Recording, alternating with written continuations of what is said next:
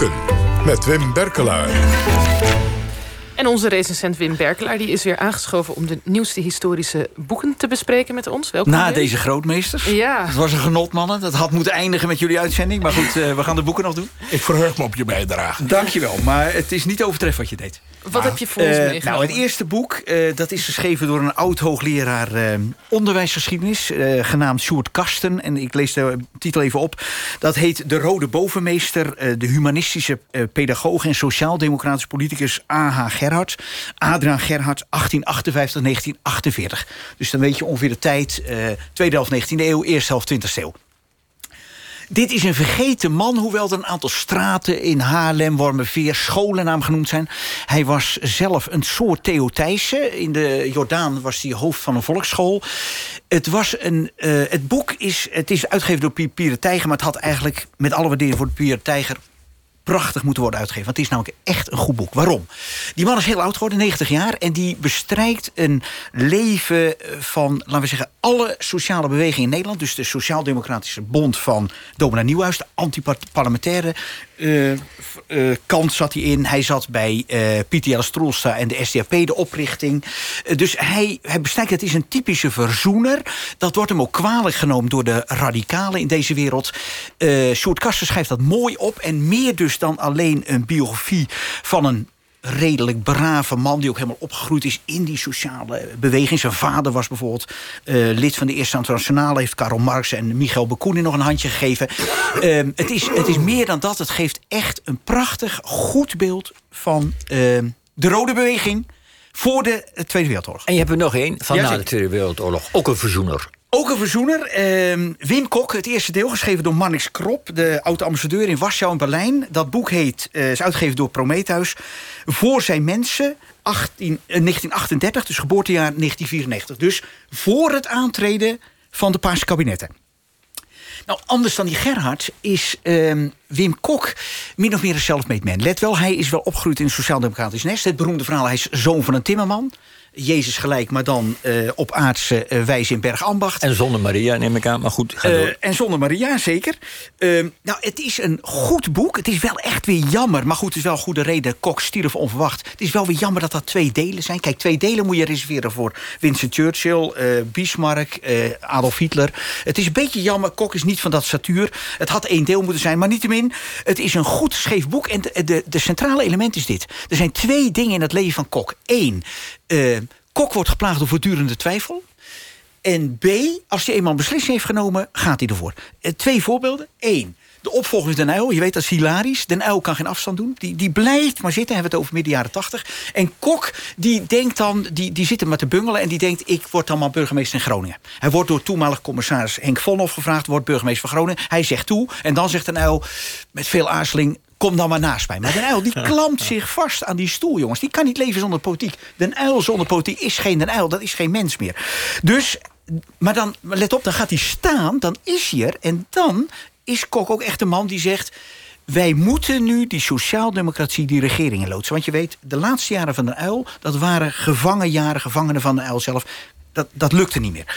Um, Helaas komt hij niet meer toe aan dat afschudden van de ideologische veren. Dat komt in het volgende deel, dat moet 2022 zijn. Het is een goed boek. Jammer dat geen... geen ja, het uh, gaat over de wording van de jonge kok... tot de kok ja. die we allemaal als premier ja. kennen. Je hebt nog een boek er liggen. Ja, een heel ander boek. Dat is van uh, een collega van Micha. Dat is John Jansen Vergalen. Fiasco van goede bedoelingen. Uh, Nederland en de Indonesische onafhankelijkheid. Dat is uitgegeven door uitgever Pluim. bekend Mitsie van de Pluim. Fiasco van goede bedoelingen, John Jansen Vergalen. En dat boek dat doet het volgende. Uh, dat zegt uh, eigenlijk dit. De laatste jaren, zegt hij, gaat het steeds over... Uh, de rol van, het, van de soldaten in Nederlands-Indië tijdens de decolonisatieoorlog. Nou, die soldaten, is nu die, uh, de, mannen van Java, van Koen Verbraak, is nu op tv drie delen. Maar hij zegt, je moet ook kijken, en dat doen we te weinig naar zijn gevoel, naar die politieke uh, figuren die toen optraden. Dus uh, ministers, Jonkman, Logeman, ik zal ze allemaal niet in detail. Natuurlijk Huip van Mook, de generaal, ik zou maar zeggen, gouverneur-generaal in die laatste jaren na 48. En wat John houdt een pleidooi voor die mensen, voor uh, hun idealisme.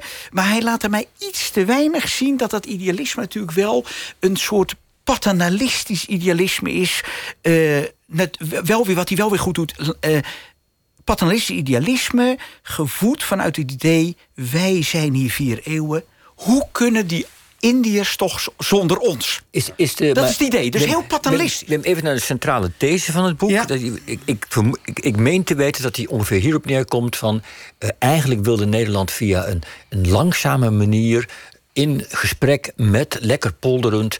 eh, Naar een federatie tussen Juist, van Nederlands-Indië af, en niet eigenlijk echt af, maar Ja. een soort rijks... dat Ja, ze binnen een Rijkseenheid- rijksverband bleven. Rijkseenheid, maar let op, en dat, daar zit een van. Daar zit het, maar dan wel onder, niet onder Sukarno, maar onder de koningin. Ja, en dat is natuurlijk onaanvaardbaar voor die jongens. Die jongens willen gewoon weg. Ze willen eruit. Dus ja, in mij treft in dit boek, misschien anders dan John bedoelt, ook die extreme naïviteit. Die wel weer begrijpelijk is na vier eeuwen. Je, kunt gewoon, je denkt gewoon, die mensen hebben ons nodig. Maar die mensen hebben je niet nodig. Die- maar die- dat gevoel Die zit er. vanzelfsprekende bevolking die eigenlijk juist Die in de botten van die mensen wij zijn bereid met jullie te praten en een Exact. beetje te luisteren. Ja, en natuurlijk ook het idee, wat moeten wij zonder jullie? Hè? Er zit ook een diepe wanhoop over. Indië verloren, rampspoed geboren. Er zit ook natuurlijk een angst, wij gaan ten onder.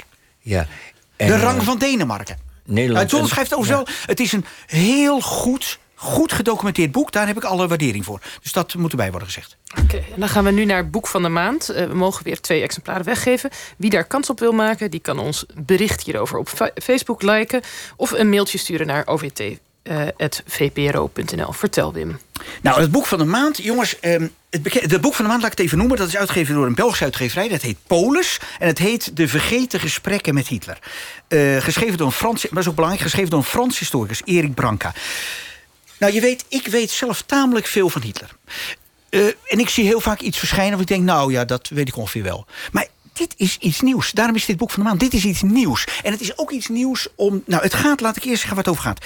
Het gaat over vergeten gesprekken met Hitler door eh, Fransen. Voorop Fransen, Engelsen en Amerikanen. Dat zijn mensen die hem tussen 1923 en 1940 opzochten. Zoals je bij wijze van spreken nu Mark Rutte of eh, voorheen Balkenende eh, opzocht eh, in het kamertje. Ik zeg het even wat simpel. En er werd een man geïnterviewd over zijn plannen. Ja, dus, dus het is eigenlijk een bundeling met interviews uit de tijd zelf. Ja. Als Hitler nog niet eh, ten oorlog is getrokken, Ja. in, althans de Tweede Wereldoorlog, nog voor Dat de is Tweede het. Ja, Wereldoorlog. 1923 en 1940. En, en een historica heeft dat samengesteld en waarschijnlijk voor annotaties en inleiding voorzien. Ja, eh, voor annotatie en inleiding voorzien. En natuurlijk ook nog met de weerdegang, eh, met de gang in het leven van deze mensen tijdens en na de oorlog. Want let op, een aantal van die mensen. Kijk, er zit twee hoofdlijnen in het boek. Die mensen gaan Hitler interviewen of als ehm fanaat aanhanger van de nazi's, of verborgen aanhanger van de nazi's. Maar er zijn ook mensen die gaan hem interviewen, vooral de Fransen, uit angst. Kijk, Hitler heeft in mijn kamp geschreven. Vergeef me de termen, zeg ik even tegen John. En, eh, maar dat zijn de oude termen. Ehm, in mijn kamp staat... Frankrijk is een gedegenereerde negerstaat. Zo, zo werd er over geschreven. Dat wordt nooit meer wat. Dus die Fransen denken, ja, of die, ja, die Fransen denken, wat moet er met, eh, met Hitler nu die aan de macht is in 33? En Hitler gaat dan, Hitler is natuurlijk, die, heeft de kunst van het liegen tot een, ja, tot een kunst verheven. Die gaat dan praten. Ja, als je die man, als je die interviews leest, denk je net is Rutte aan tafel. Nee, maar u denkt toch niet dat ik een oorlog wil? U denkt toch niet dat ik iets wil doen? Het is een, het is een, een complete leugenachtigheid. En die mensen laten zich inpakken of als fanaat... of ze laten zich inpakken omdat ze zich willen laten inpakken. Want we willen geen oorlog meer. Ja, de, de, de, de, het bekende fenomeen van de verlegenheid met de figuur die een bevriend staatshoofd is. eh, Wat, wat veel in de contacten met Hitler destijds een rol speelde. Ook in de openbare meningsvorming, in de pers en zo. Zie je dat terug? Dat zie je zeker terug. En er zit natuurlijk in... eh, dit is een man die aan de macht is... en hij zal wel niet voor niks aan de macht zijn. Dus eh, de uitspraak van Hegel... alles wat werkelijk is, is redelijk. Dus Hitler